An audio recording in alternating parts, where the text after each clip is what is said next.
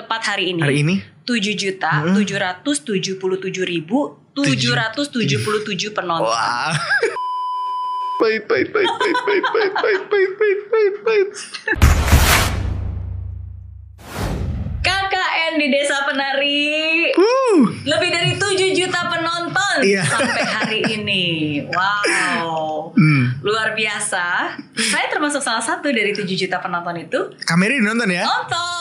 Wih, seneng banget nonton sama siapa waktu itu? Nonton sama suami. Wow. Dua. Gimana pendapatnya? Are you happy?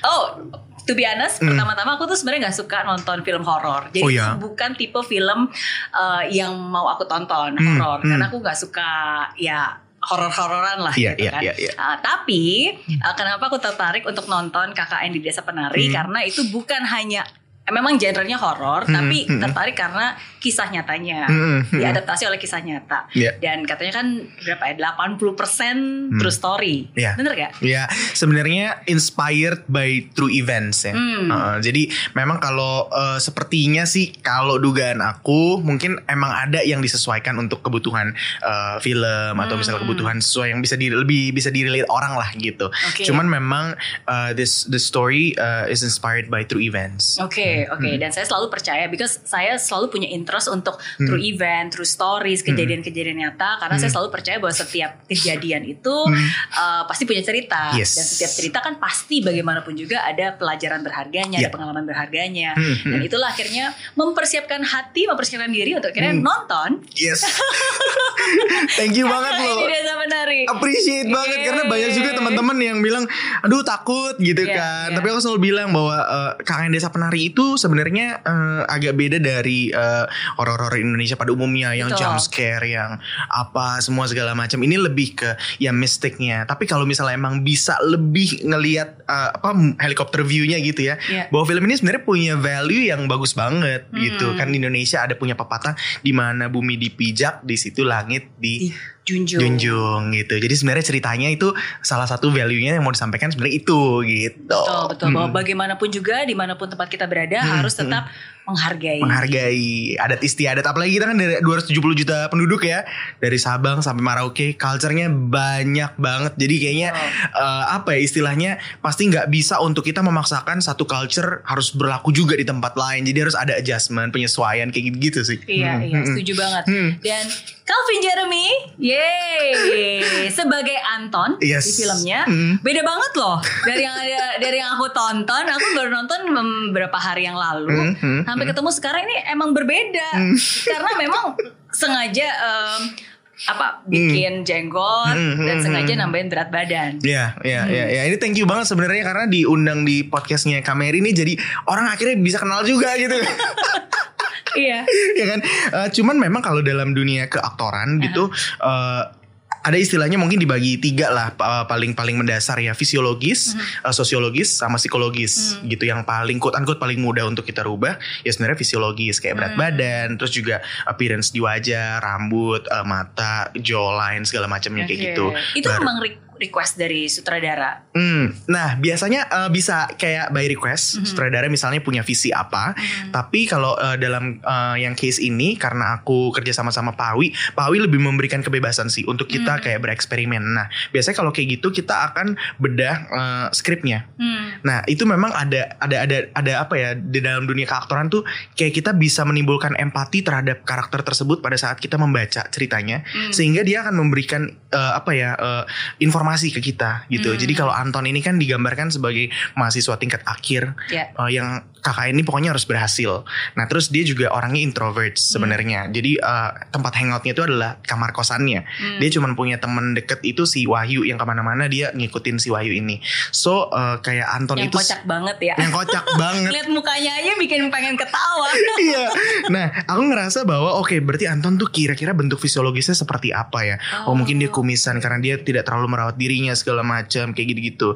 Nah, eh, ada juga eh, faktor sosiologisnya. Jadi itu biasanya kayak kayak berpengaruh terhadap eh, bagaimana dia berbicara, terus logatnya kayak gimana, apa segala macam baru eh, fisiologisnya. Ini fisiologis biasanya dia akan mengikut seiring berjalannya informasi apa pun yang di dalam skrip. Kita eh, juga menciptakan sejarah karakternya yang nggak ada di skrip. Kita coba tuh gali kira-kira Oke. seperti apa. Jadi sehingga eh, manusia si Anton ini bukan semata-mata oh karena emang pengen kasih kumis, oh dia jawanya kenapa seperti itu.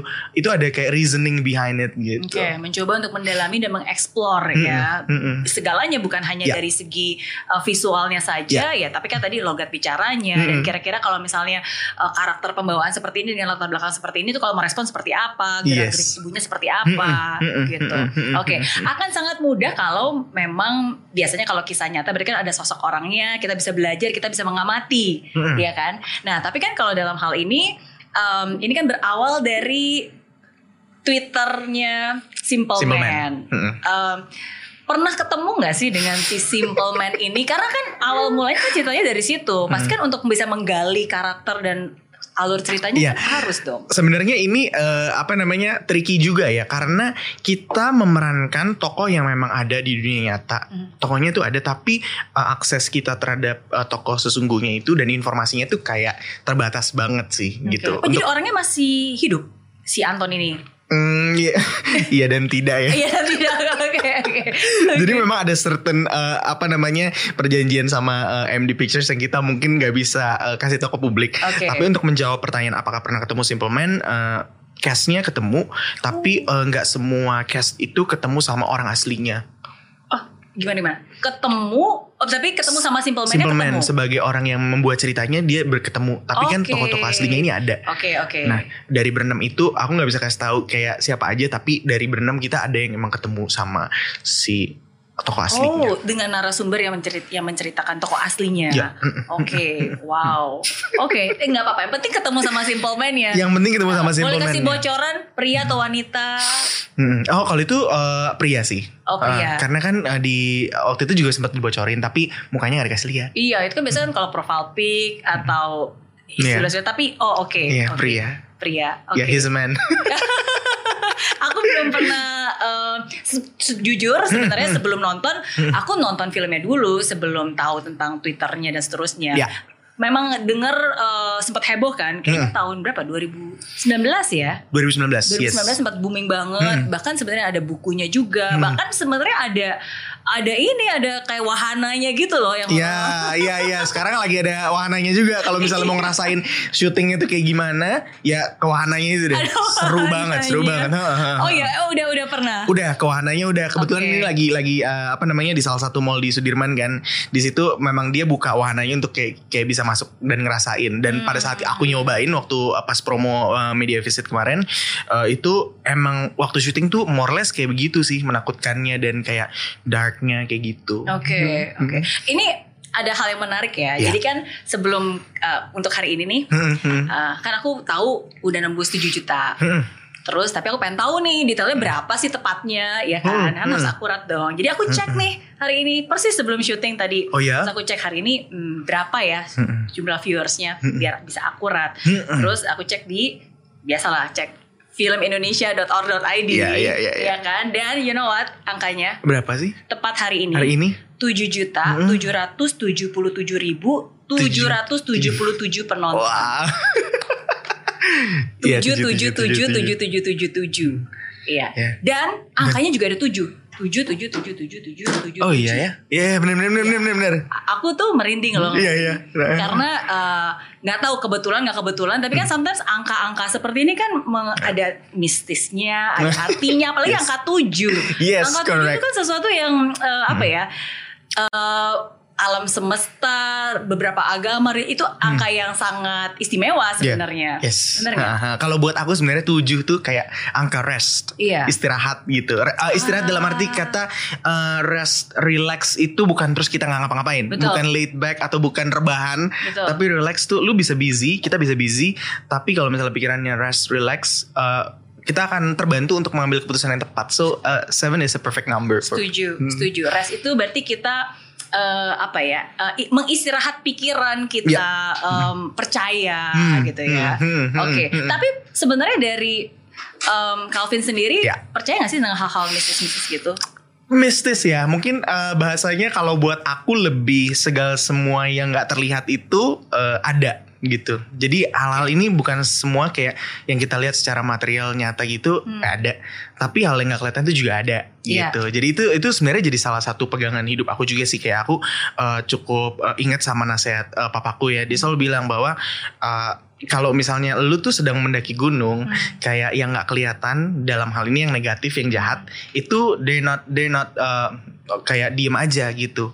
They will shooting arrows gitu. So you have to always focus on your uh, ke mana kamu mau uh, menuju gitu. Focus on tujuan kamu your vision your mission gitu. Karena dan pada saat mencapai itu tuh kayak nggak mudah. Karena ya the devil is Uh, devils are uh, keep on shooting arrows gitu, so you have always to be focused dia bilang kayak gitu. Jadi Oke. aku juga mengiyakan bahwa ya memang yang nggak kelihatan tuh ada gitu. Iya, Mm-mm. itu itu saya juga setuju banget. Hmm. Eh, banyak contohnya ya. ya. Wifi nggak kelihatan, tapi kan ada. Ada. Kalau nggak ada, udah semua udah komplain. Bener bener bener. Iya kan Bener, itu bener. salah satu salah satu dari Bener. begitu banyak hal kan. Iya, bener, bener, ya, bener, aku bener. eh, anak teknik elektro. Oh. Jadi berhubungan dengan gelombang-gelombang arus listrik. Wow, wah menarik nih, menarik nih teknik elektro ya. Iya iya iya. eh, tapi aku aku pengen bahas tadi eh, Papa bilang bahwa kalau misalnya kamu ke ke gunung Mm, gitu kan mm. eh, sesuatu hal yang memang tidak kelihatan tapi itu mereka mengero kita. Jadi seakan-akan kayak mereka lagi berusaha mengganggu. Hmm, hmm, hmm. Apa pun itu. Eh, karena mak maksudnya sih sebenarnya kayak ya eh, pasti pada saat menuju ke atas tuh nggak gampang, nggak langsung lu tinggal naik terus ya you you reach uh, the point atau you reach your your vision gitu pasti akan ada gangguan distractions gitu Oke. kalau misalnya pepatah juga bilang kan kayak makin makin di atas makin inilah uh, Iya. anginnya makin kenceng gitu kan jadi Iya. itu untuk untuk nge, nge, nge, nge- membuat aku untuk kayak stay on the track kayak untuk terus fokus kayak gitu sih Iya, dan kalau itu aku setuju banget. Hmm. Karena kan apa pun juga the devil, Iya. maksudnya hal-hal yang jahat Iya. gitu. Saya percaya mereka tuh nggak bisa mencelakakan kita. yes Uh, dia nggak bisa mengambil apa pun juga yang Tuhan sudah mau berikan untuk kita. Hmm, hmm. Tapi yang mereka bisa lakukan adalah mendistract kita. yes correct Sehingga kita sendiri yang out of track dan Hmm. akhirnya kita sendiri yang kalaupun tidak mendapatkan ya itu bukan karena kita bukan karena itu diambil oleh yang jahat tapi Ya. karena kita terganggu dan akhirnya kita Ya. mengikuti hal itu dan akhirnya salah kita sendiri Yes, yes, gitu. yes, Jadi yes. um, itu sih yang aku percaya dan Agree makanya that. penting untuk kita selalu tetap menjaga Mm-mm. dan on track ya. ya ya Mm-mm. Correct, setuju Oke. banget, setuju banget, setuju banget. Eh mengenai apa namanya eh, angka tujuh ya, Iya. ini sharing sedikit nih. Aku ada satu kayak eh, apa namanya eh, scripture sih. Jadi Oke. ada ada ada satu dibilang kayak kalau nggak salah ya, ini eh, maksudnya bukannya mengeneralisasi agama tertentu, cuman ada satu ayat Alkitab tuh yang bilang bersatu jalan musuh menyerang, bertujuh jalan mereka lari daripada hadapanku, dibilang. Wow. Artinya itu apa katanya? Jadi se- kalau misalnya ditelaah lagi ya lebih dalam, bersatu jalan musuh menyerang itu cuma satu jalannya si musuh itu, Hmm. yaitu melalui hati yang gentar. Jadi kalau misalnya Hmm. khawatir, takut segala macam, itu mulai kita mengambil keputusannya salah, apa segala macam, emosi apa sih. Tapi kalau kenapa mereka menyerang satu jalan, tapi kenapa mereka larinya tujuh jalan? Hmm. Karena di hari ketujuh Tuhan istirahat. Oh. Jadi pada saat hatinya rest, hatinya relax, si musuh yang menyerang itu akan lari bertujuh jalan, lari tunggang langgang sampai tujuh jalan. Oke. Jadi filosofi apa wisdom di balik itu adalah kan angka tuh selalu ada artinya Iya, kan bersatu bertujuh. Jadi tujuh is a rest, relax. Wow. Wow. Oke. Wow. Wow. Ya. Gitu. Oke. Nanti bisa dicari itu bilangan apa aku lupa Iya iya Google. iya iya. Ta- Tapi aku percaya banget. Aku setuju banget. Setuju. Right? Aku Satu, setuju tuh actually bagus ya. Satu tujuh ya kan? Oh Setuju. iya. Kita hari ini jadi ngomongin ini ya. Angka ya. angka. Iya iya iya.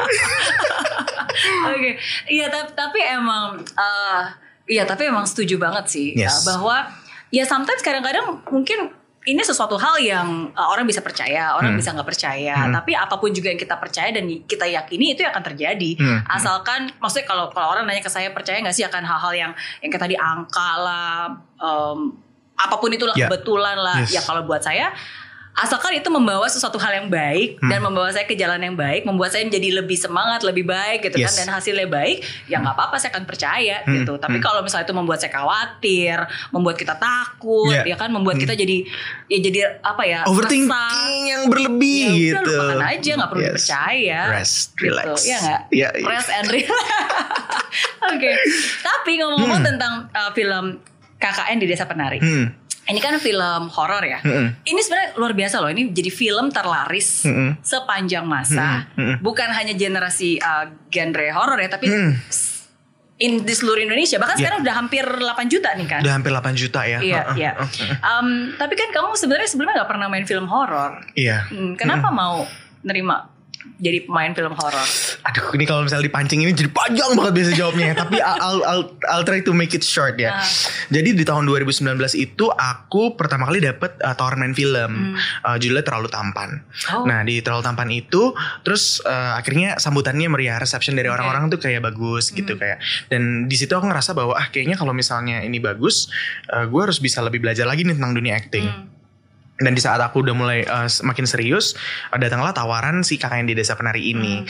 Uh, awalnya nggak nggak nggak nggak terlalu banyak ekspektasi lah gimana ya, tapi singkat cerita uh, akhirnya keterima dan ternyata bisa se-viral ini ya gitu. Jadi Oke. uh, Audisinya pun juga padahal lagi di Filipina kan waktu Yes, itu. Ha, ha, ha, ha, Audisi pakai video. pakai video Hmm. gitu. Jadi akhirnya dapat. Eh sebenarnya ada cerita lengkapnya sih mau ceritain nggak? Oh boleh. Kayak biasanya aku akan mewaktukan cerita aku nih. Oh, Aku iya. coba under 5 minutes ya. Oh iya 7 menit aja biar 7. Oh, th- that's great, that's great. 7 menit. Oke, oke. 7 jam juga boleh. Nanti kalau mau dipotong-potong juga boleh ya. But anyway, ceritanya tuh dari awal gini. Aku berkarir di musik itu dari tahun 2010, Mhm. uh, ngeluarin album pertama sampai singkat cerita fast forward 2018 aku ngeluarin album ketiga. Tapi ternyata di album ketiga aku itu uh, jujur aja nggak terlalu bagus responnya kak. Jadi aku sempat kayak quote unquote nggak ada job, nggak ada manggung itu 4 sampai 5 bulan lebih gitu. Terus aku ngerasa kayak gila this is I I've hit my rock bottom. In this is my, my lowest point in life uh, in my career gitu ya. Singkat cerita terus yaudah deh gimana ya caranya. Uh, akhirnya aku harus ter- terus bermain musik kan. Jadi aku waktu itu mulai pelayanan kayak nyanyi di uh, Sunday service Oke. gitu. Dan di situ aku bener-bener lowest point karena uh, kita juga udah punya manajemen uh, music management. Jadi ada artisnya juga, ada karyawannya juga. And kita nggak bisa nggak bisa bayar uh, payrollnya. Hmm. Dan aku langsung waktu itu kayak ngerasa gila Tuhan give me sign kasih tahu gue harus ke mana gitu. Kayak misalnya gue harus kerja professionals or become freelancer ibaratnya apa kayak fotografer, videographer, you tell me gitu cause aku nggak sama sekali nggak ada ide. And that time aku ngerasa ada yang bicara di hati aku. Ada dua poin. Yang pertama dia bilang wherever you go I am with you. Wow. Dia bilang, jadi it's not I was with you or I will be Yeah. with you, tapi I am, am with, you. with you. wherever you go. Nomor dua, dibilang jangan datang ke, ke aku pada saat kamu lagi sedih aja. Pada Hmm. saat kamu senang, kamu datang. Pada saat kamu biasa aja, kamu datang. Gitu. Karena dia pengen deket gitu. Hmm. Dan di situ aku ngerasa aku langsung nangis kayak karena itu kerasa banget di hati ada suara itu Hmm. dan pada saat pulang dari Sunday service itu aku sama uh, pacar aku yang sekarang jadi istri aku dia bilang kamu coba deh ambil sesuatu yang emang kamu suka gitu dan aku dengan berapi-api aku ngerasa this is the answer from God I'm just gonna leave everything behind Iya. aku mau cari beasiswa ke Belanda yang paling jauh Oke. pokoknya entrepreneur nanti gue pengen bikin apa segala macam pokoknya udah gue pengen tinggalin di momen itu semenjak hari itu sampai satu setengah bulan ke depan yang aku kerjain cuma aku belajar TOEFL aku belajar GMAT karena aku Hmm. pengen dapat beasiswa Hmm. nah di tengah-tengah itu tiba-tiba kak ada satu job Apa? Manggung setelah berbulan-bulan ada satu manggung job terus yaudah deh ambil aja gitu Iya. Uh, this is going to be my last uh, performance gitu Hmm. abis itu gue mau kejar beasiswa dan gue mau tinggalin semua karena benar-benar udah kering banget waktu Iya. itu dan ada di situ nah tiba-tiba sehari sebelum manggung aku dapat telepon dari Nikita Willy Hmm. Calvin apa kabar? Gitu. Eh, kamu mau main film nggak? Gitu. Terus aku jawabnya udah bitter banget kayak ya udah boleh. Eh, kapan castingnya? Eh, soalnya gue juga udah mau cabut nih gitu. Gue lagi eh, fokus ngerjain ini. Oh yaudah nanti castingnya segala macam apa segala macam tetap belajar TOEFL tetap belajar GMAT dan tetap manggung. Akhirnya udah bilang terakhir tetap casting dan keterima kak. Hmm. keterima. Wow. di hari pertama aku syuting terlalu tampan itu tes TOEFLku keluar kak Eh, Jadi minimal tuh 82. iya. Kan ada 5 section. Aku belajarin empat-empatnya yang terakhir speaking. Iya. Cause I was thinking ya speaking ya pasti lulus lah nggak usah gue pelajarin. Empat ini yang gue harus pelajarin. Empat-empatnya di hari pertama aku syuting jadi jam 5 pagi itu dapat email hasilnya. Itu tuh uh, supir jemputan Troll Tampan di depan dan tiba-tiba tes uh, email uh, Gmailnya keluar gitu uh, apa uh, TOEFL-nya. Ah coba lihat ah hasilnya. Tahu nggak kak dari lima ini yang empat aku sangat usahakan dengan kemampuan aku sendiri gagal total nilainya 72 atau 74 gitu. Hmm. Cuman satu yang nggak aku pelajarin malah masuk gitu. Oke. Dan di situ the same voice that spoke to me when I was in a Sunday service Iya. ngomong lagi. Dia bilang, if you want to retake the test, remember the first thing I said to you, I am with you. Lu boleh ambil tes itu dan I will, I will, I'm with you gitu.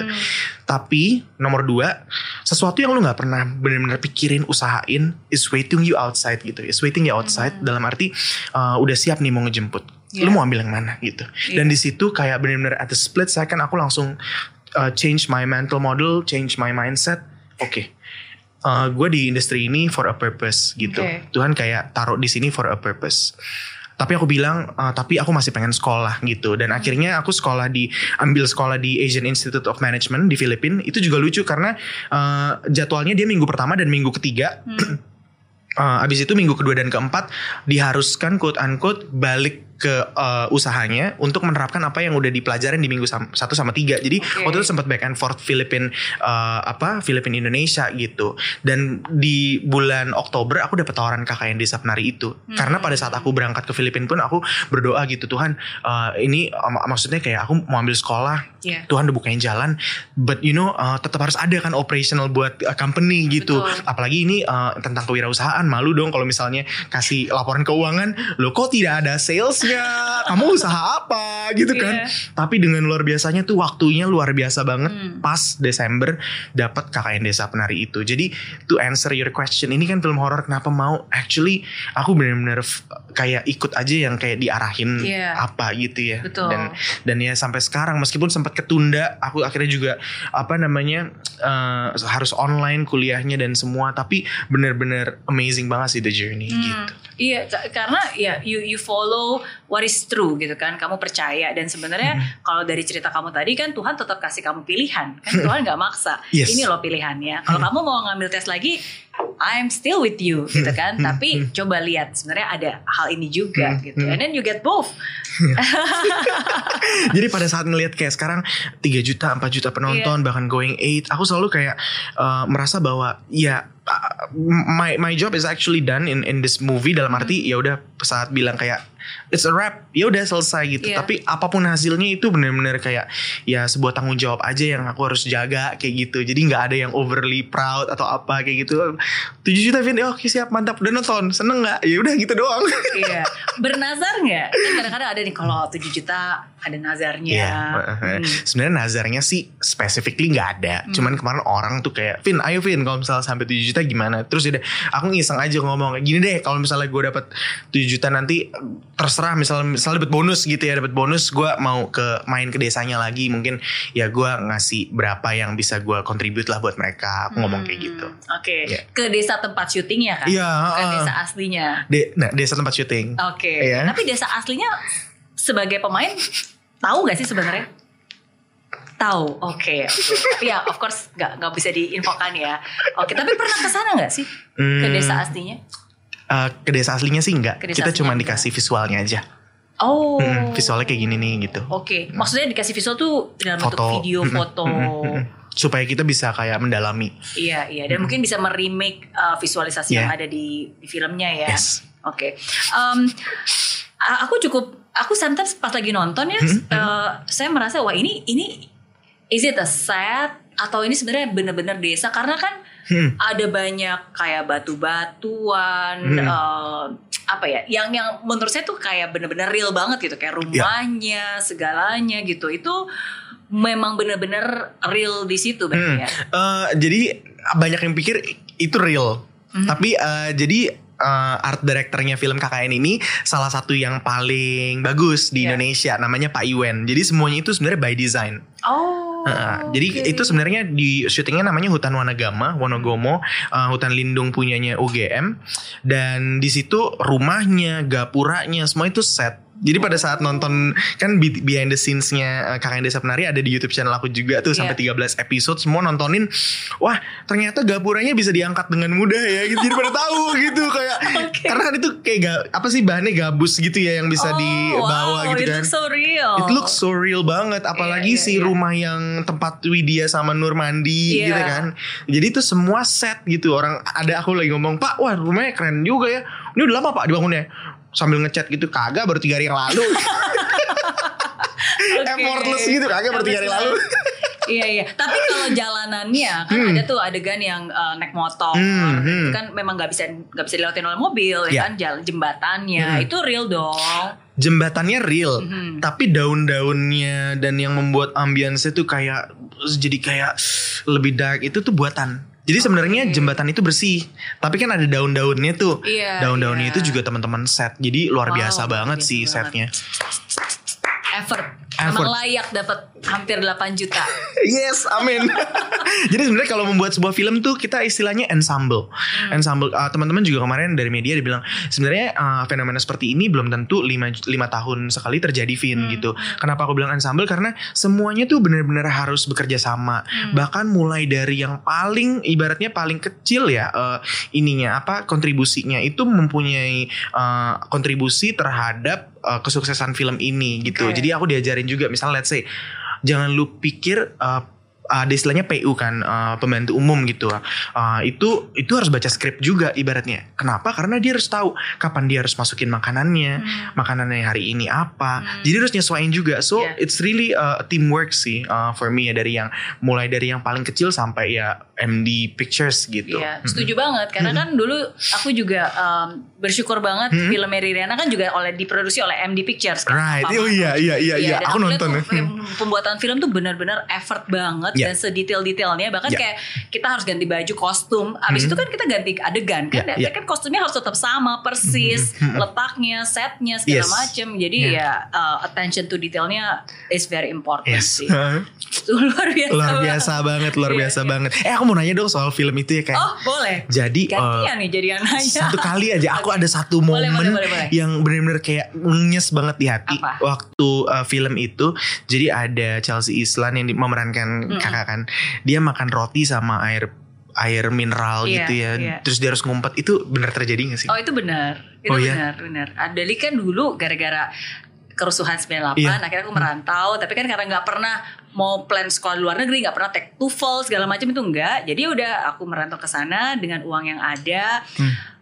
punya hutang tapi ternyata uang hutangnya juga nggak cukup untuk biaya hidup. Ya akhirnya udah ngirit-ngirit lah. Dan salah satu caranya ya itu ngumpet-ngumpet makan roti di toilet gitu. Jadi eh, ya das das itu kejadian-kejadian kayak gitu tuh sebenarnya membentuk uh, kakak sekarang gak sih dengan kayak punya kayak gini gitu loh. Kayak pada saat mau marah pada saat mau bete misalnya ya itu nginget ada jadi pengingat gak sih? Kayak lu pernah di sini loh Oh gitu. pasti pasti. Karena menurut saya bersyukur ya kalau kita udah pernah merasakan rasanya susah. Apalagi Hmm. bener-bener em, apa ya menggo through titik terendah lah terus kita berjuang udah naik turun lagi gitu Iya, kan iya, iya. karena hanya dengan itulah ketika kita berhasil ya kita benar-benar mengappreciate kita menghargai Oke, gitu oke. dan di saat itulah kita juga bisa lebih em, apa ya berempati Iya. karena kita tahu ada orang-orang yang juga mungkin sekarang sedang berproses gitu karena kan kita pernah berada di situ Hmm, jadi ketika kita bertemu dengan orang Hmm, yang hmm. yang yang sudah berhasil Hmm. ya kita juga tahu kita tetap rendah hati nggak sombong at the Hmm. same time ketika kita bertemu orang yang mungkin sedang dalam proses susah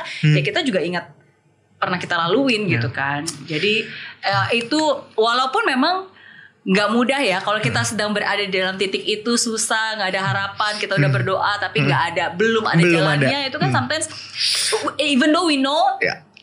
apa ya semua akan indah pada waktunya Oh, iya. ya kan? Semua tapi kan kalau lagi saat susah oke kapan? Saya tahu itu tapi kan susah gitu. Banget, tapi ya banget, ya itu kan proses yang menguatkan kita kan. Yes yes Ya, yes. itu kan ujiannya iya wah, Iya, bener, bener, to have faith. yes Faith yes. doesn't make things easy, but faith will make things possible. wow Gitu. powerful wow powerful Powerful. Amin, amin, amin, amin, amin, amin, Iya, Oke. dan saya yakin bukan hanya saya aja, maksudnya kan Calvin Yes, pun yes. juga seperti itu. Kita lebih mengappreciate dan kita um, apa yang membuat kita sadar bahwa Hmm, hmm. ya kalau kita berhasil ya bukan karena kepintaran kita sih, bukan Exactly. karena kehebatan kita. Yes. Karena kita udah berusaha sepintar-pintarnya kita gagal kok Iya, gitu kan. iya, iya. Tapi ketika kita rest, berserah, ya udah. Boom. Iya, dia yang nunjukin ini loh Iya. gitu kan. Yeah. Gitu. Jadi Keren. Thank you for sharing loh kak. Thank you for sharing. loh. Thank you for sharing ya. Iya. Balik lagi ke Ya. Calvin. Ya, this Boleh. is not about me but it's about you. Oke oke. Iya. Um, tadi kan ngomongin tentang set ya. Mm-mm. Jadi walaupun itu set, Mm-mm. tapi kan syutingnya tetap di hutan. Hmm. Eh, ada mistis-mistisnya gitu gak sih? Hmm, hmm. Mistis-mistisnya pasti ada.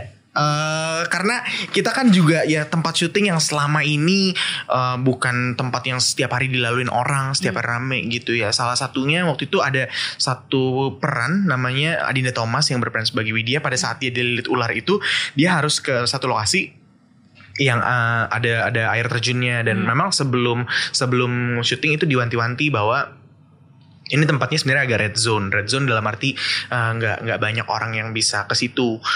Tapi ada syuting gitu kan, harus syuting di situ rame. Nah dia salah satu yang ibaratnya eh, di- katanya sih kalau orang yang bisa lihat gitu ya kayak si makhluk halus ini mencoba masuk ke dia tapi dia nggak nggak kuat dan akhirnya pingsan gitu. Hmm. Jadi pada saat dia eh, apa namanya pada saat dia bangun dia bingung, wah udah kok kiri kanannya udah orang apa gitu. Terus ada yang sempat nggak enak badan, muntah-muntah balik ke kamar hotel kayak gitu itu eh, terjadi beberapa kali. Eh, terus juga ada eh, makeup artisnya juga yang kena kesurupan gitu. Oh. Oh, sempet juga gitu.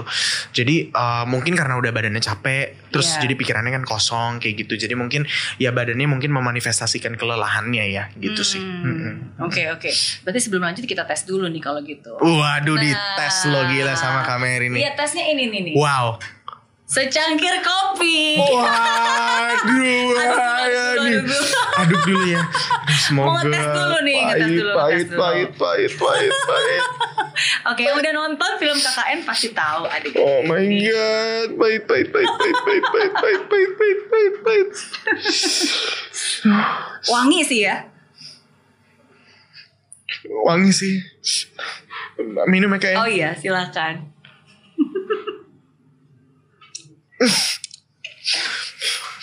Pahit kak. Yang bener. Kalau yang manis cuma kopi M soalnya. Ah, bisa aja. ya nih, nih, nih, nih, nih, pak pahit kak, pahit pak. Oh pahit Eh, ya. Pahit, pahit, ya. Pahit, Oke, pahit. berarti aman. Aman, aman, Berarti aman. aman. heeh. Duh, untung yang dikasih bukan kopi M jadinya pahit. Oke. Ya. Oke. Ya, jadi buat kalian yang lagi nonton, komen di bawah, komen yang paling menarik akan mendapatkan voucher dari kopi M. Oh, boleh boleh boleh boleh Boleh ya? boleh boleh boleh beneran beneran walaupun improv tuh nggak apa-apa ntar bagi-bagi rezeki gimana bener, bener, bener, bener.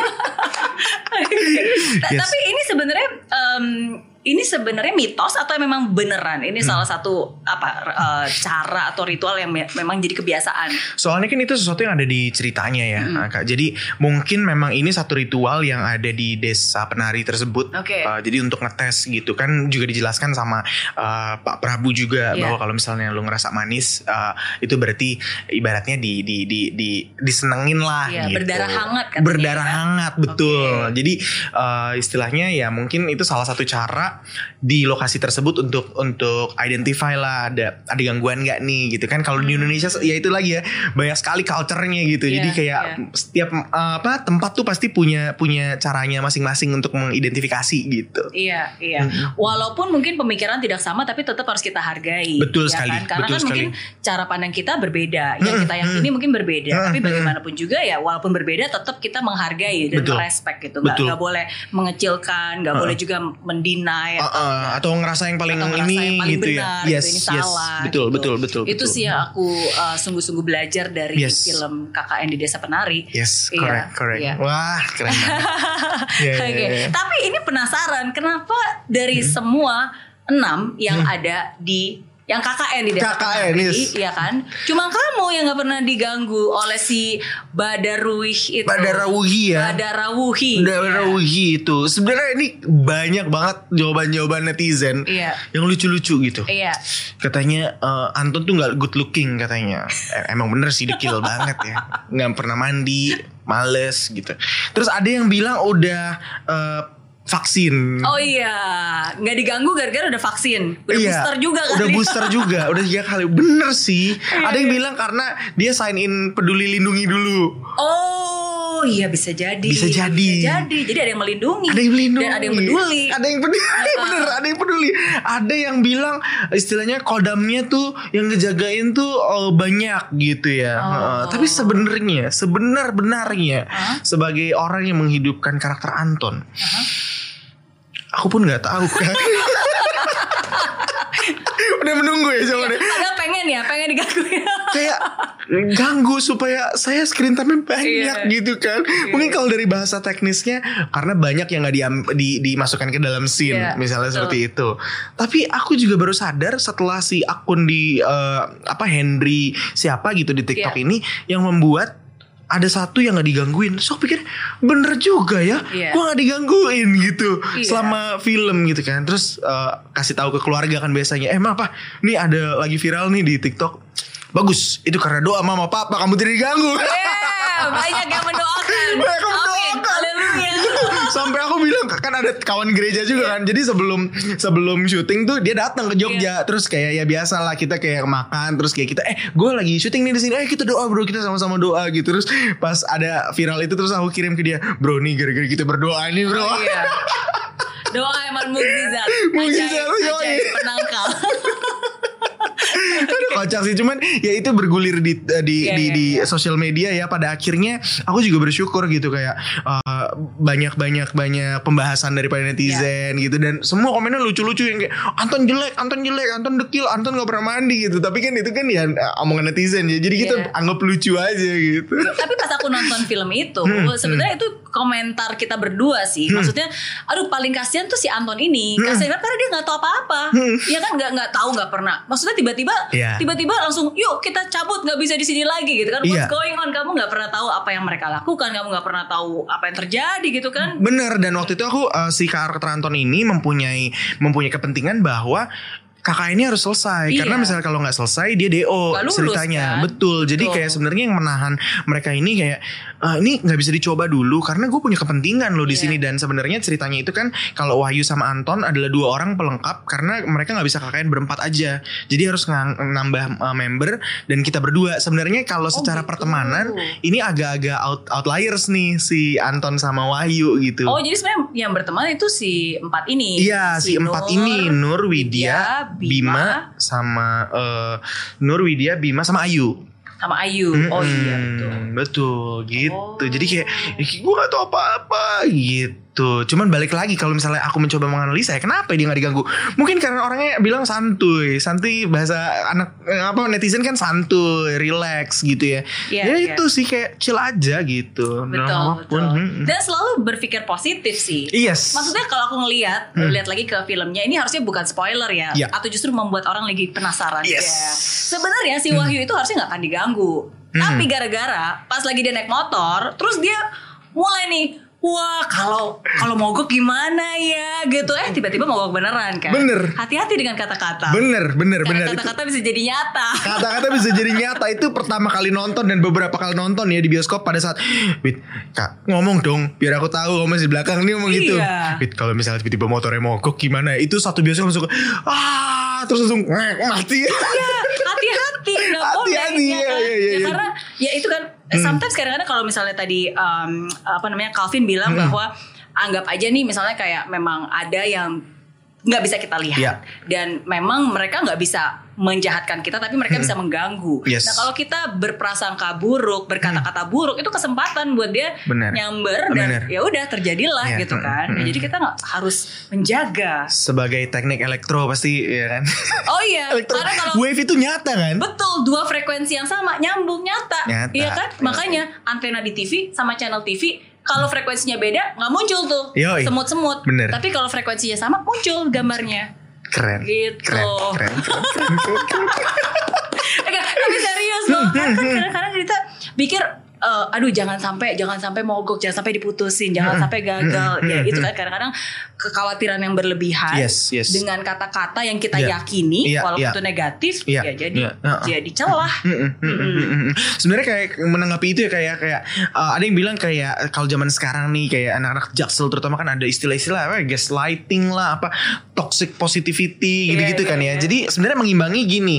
Oke, gue bukan yang tipe yang lu harus mikir positif terus. Ya Iya. pasti gak capek, aduh khawatir. Tapi kalau aku dan dan sekeluarga tuh ngebiasain gini. Kalau lu nggak bisa ngomong positif, lebih baik lu diem. Oh iya. Jadi kalau misalnya emang lu lagi khawatir pikirannya, istirahat dulu. Iya, iya. Tapi jangan sampai ngomong Hmm. gitu karena ka- katanya eh, kita juga percaya bahwa yang yang nggak kelihatan yang negatif itu eh, istilahnya dia nggak bisa tahu pikiran kita tapi kalau misalnya kita ngomong jadi gitu Oh. kalau dari eh, ini ya pengalaman eh, di keluarga gitu value Betul, yang kita betul, kita betul. kita pegang gitu mungkin kalau satu dua kali misalnya mikir aduh nanti gimana ya jangan langsung langsung Iya. berusaha untuk eh, dilawan gitu Iya, iya. Mm-mm. Setuju Jadi, banget. There is no such thing as toxic positivity for me. There's no such thing. Ya. Gak bisa toxic sama positif tuh gak bisa deh gitu. Gak Iya. bisa.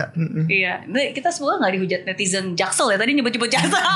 Nah, nanti ya Enggak. biar netizen jaksel mikir kan, ya oh iya bener ya gitu. At least kalau lu nggak bisa berpikir positif, jempolnya nggak usah ngetik deh.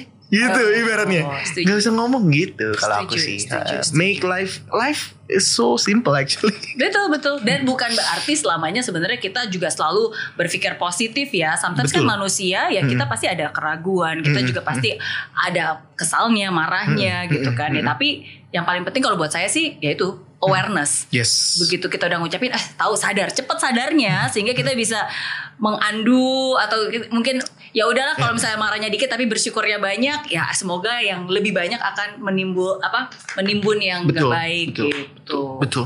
gitu sih. Wah keren banget nih ngobrol sama Jadi- kamera ini. Langsung langsung kayak recharge lagi loh. Wup, wup, wup, wup, gitu. Oke. Keren banget, Hal termistis apa yang pernah terjadi di kamu selama, selama proses KKN?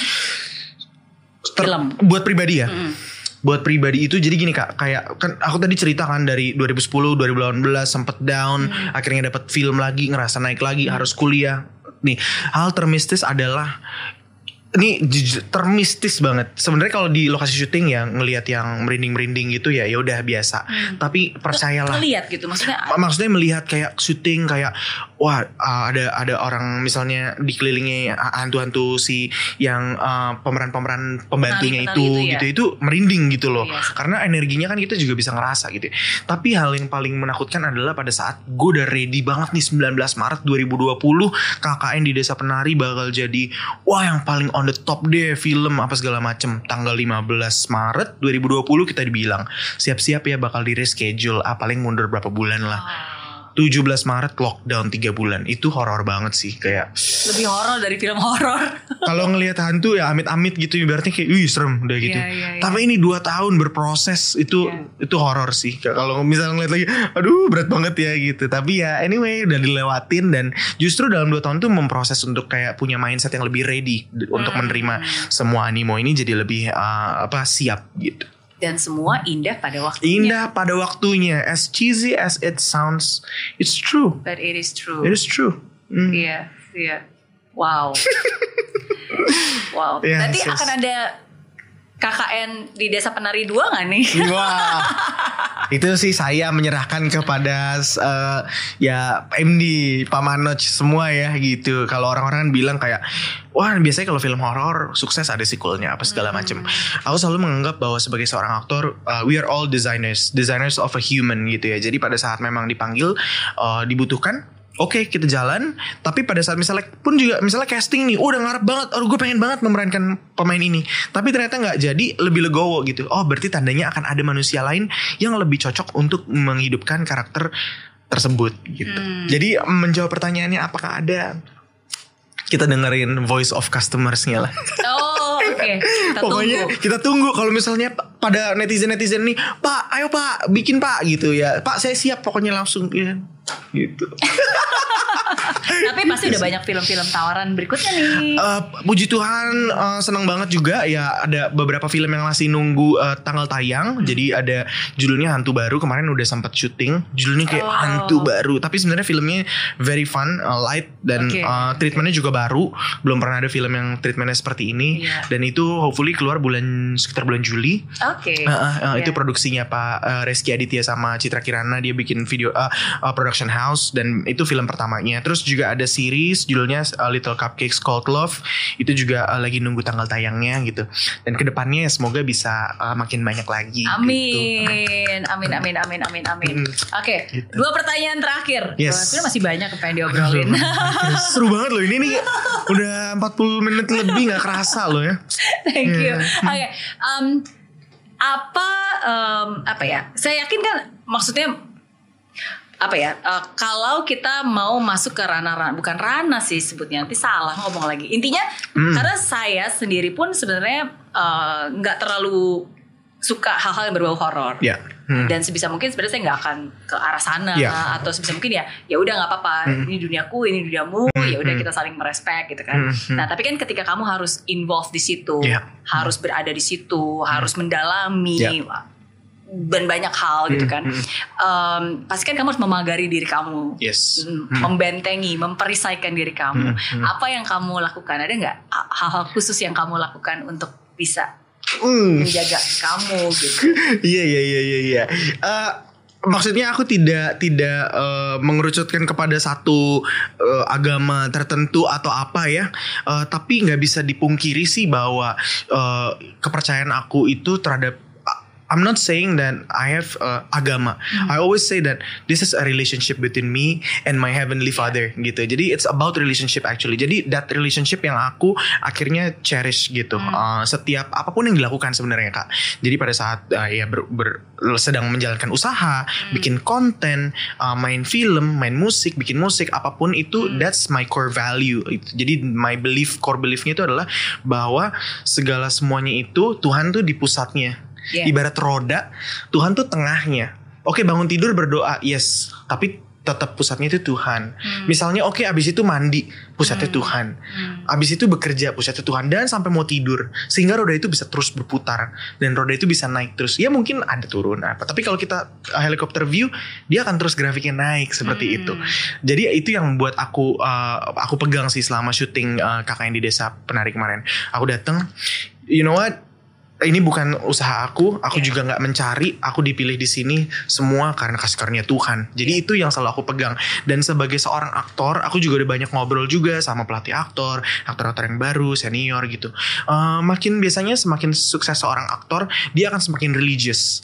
Oh. Hmm, karena kan uh, ibaratnya dia harus ibaratnya pergi menjadi manusia baru. Tapi pada saat dia selesai menjadi manusia itu dia harus pulang ke rumah. Hmm. Dan one of the best way to go home is through the relationship with God. Hmm, gitu. Oke, okay. knowing your identity, sadar bahwa kita punya siapa dan kita yeah. kepunyaan siapa. Yes. Ya itu yang bisa selalu membuat kita ya balik lagi ke yes. ya, ke core-nya tadi gitu ya, yes. ya, ke akarnya hmm. tadi hmm. ya. Hmm. hmm. Oke, okay. that's very true.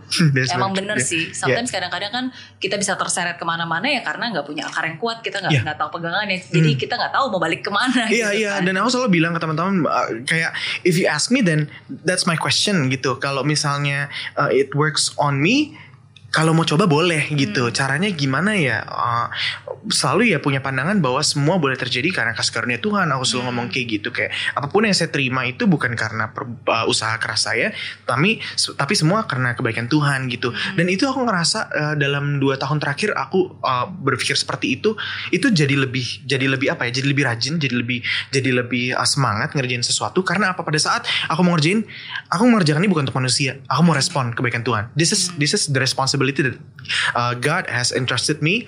So aku harus kayak uh, mengusahakan ini gitu dan aku percaya juga bahwa aku nggak sendiri. Yeah. Aku di, di, di, diberikan penolong, penghibur, uh, pengingat gitu untuk mengerjakan semua ini. Iya, yeah, wow, wow.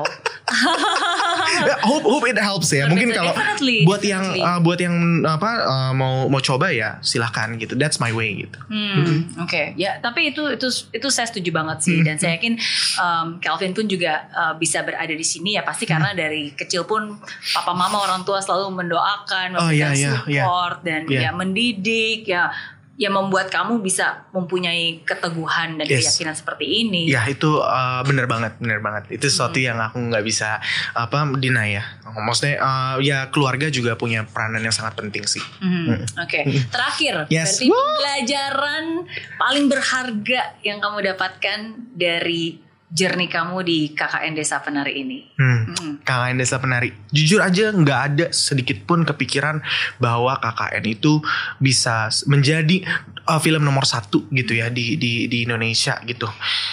If we're talking mungkin tiga minggu yang lalu aku ngomong ke diri aku kayak bro lu bakal uh, KKN bakal jadi nomor satu loh mungkin nggak nggak percaya gitu kak kayak filmnya hebat-hebat semua jago-jago semua gitu dan yang aku pelajarin bahwa ibaratnya yang pasti adalah dari semua itu kita bakal ketemu lagi nih. Wah yang senang-senang yang sedih-sedih yang apa semua bakal Iya. tapi buat aku the most important thing itu adalah to know yourself better. Hmm. gitu. Kalau buat aku ya pembelajaran bahwa semakin diangkat naik tuh semakin sadar bahwa ini adalah tanggung jawab. Ini bukan hasil usaha aku. Ini semua karena kebaikan Tuhan. Uh, terus selalu diingatkan purpose-nya in life uh, mau ngapain di dunia ini kayak gitu sih. Jadi self awareness tuh makanya pada saat uh, Kameri tadi ngomong self awareness that's it gitu. Karena buat aku Iya. itu membantu banget ya. Aku sebagai musisi kayak energi aku kan kayak wah berlebih gitu. Kalau Iya. cerita berapi-api sempat ada di masa bukan sempat lama dia masa kayak emosian segala macem. Tapi dengan berproses dari KKN mau tayang nggak jadi dan sampai sekarang ini setiap aku punya feelings gitu aku tanya ke diri aku kenapa kamu ngerasa kayak gini? gitu Hmm. banyak orang yang di, dun- di, di, di apalagi di Jakarta dan kota-kota besar yang sangat berjalan semuanya cepet itu lupa ngomong sama diri sendiri Iya. gitu. Dan itu yang aku pelajarin sih. Ask yourself gitu kenapa kamu ngerasa kayak gini? Gitu. Kayak misalnya oke lu udah lu capek you need rest rest. Kayak gitu-gitu. Jadi Iya. self awareness really uh, taught me so many things. Iya, eh, dan itu benar banget sih. Hmm. Karena sampai kadang-kadang ketika kita punya perasaan ya, Hmm. mungkin kebanyakan orang udah ignore aja, ignore aja, tapi nggak bisa di-ignore kalau tapi ya yuk, oke kamu ngerasa ini. Hmm, Kenapa hmm. kamu merasakan ini? Hmm, Triggernya hmm, apa? hmm. Kenapa? Jadi ya hanya dengan itu kita jadi menyadari dan hanya Hmm. dengan ketika kita menyadari kita jadi tahu dan Hmm. bisa cari solusi gitu. Yes. Kalau kita ignore enggak enggak enggak enggak aku nggak sedih, enggak aku nggak ini, ya akhirnya lama-lama itu jadi cuma jadi bom waktu aja ya kan. Hmm. Yes, yes, yes, yes. Dan uh, momen pertama kali aku uh, sadar itu adalah uh, this this quote yang bilang it's okay not to be okay. Hmm. It's okay not to be okay kayak aku dan uh, kehidupan berumah tangga aku juga sekarang uh, aku selalu bilang bahwa the key adalah quote unquote nih ya uh, jangan di cut tapi adalah ketelanjangan. Ketelanjangan dalam komunikasi maksudnya. Jadi kayak our brokenness itu aku selalu komunikasiin banget. Eh aku ngerasa kayak gini aku ngerasa kayaknya root problemnya ini deh what do you think? Gitu. Nanti kita akan berproses bersama gitu. So uh, knowing yourself is one of the most important things. Iya. Setuju. Setuju. Woo. Setuju. Setuju. Tapi aku belajar banyak banget sih dari hari ini dan juga dari film KKN seperti tadi saya bilang itu um, bukan jenis film yang biasanya selalu aku tonton, tapi aku sengaja nonton karena saya tahu pasti ada maknanya dan memang benar satu hal yang yang aku pelajari banget banget sih benar-benar there's no shortcut to success ya. Ya. Maksudnya apa pun itu dan sering kali cara cara orang-orang negatif atau roh-roh negatif itu Hmm, meng, hmm. ini mengattract kita kan dengan itu shortcut Hmm. pengen dapat pacar pengen dapat gebetan Ya. akhirnya udah pakai cara ini aja pakai selendang ini pakai ini gitu dan ketika Ya. kita apa ya kita coba-coba tapi sebenarnya tanpa kita sadari kita sedang mengikat perjanjian itu dan itu Yes. akan benar-benar mengikat itu nggak bakal bisa lepas susah Ya. sekali gitu jadi harus benar-benar aware Ya. sadar tahu Mm, mm, mm, dan mm. banyak-banyak berdoa Yes. Knowing yourself better. Hmm. Iya, sukses terus buat Calvin. Kak sukses terus ya. Thank you banget udah sharing. Aku juga belajar banyak dan pasti yang nonton juga belajar banyak. Thank you so much. Thank you so much. Sama-sama. Ya, ditunggu film berikutnya. Ditunggu lagu berikutnya juga. Oke, oke. Ditunggu semua yang baik-baik dalam hidup kamu. Yes kak dan juga kak eh, Mary tetap semangat untuk memberikan dampak dari Indonesia untuk dunia ya. Amin. Wah tahu nih. Ya, iya. Oke, sukses terus dan jangan lupa untuk subscribe channel Ya, YouTube. subscribe YouTube channelnya Kameri dan juga eh subscribe juga Iya, YouTube channelnya channelnya apa? Calvin Jeremy dan Epic Network. Oke, sukses terus. God bless you. God bless you. Bye.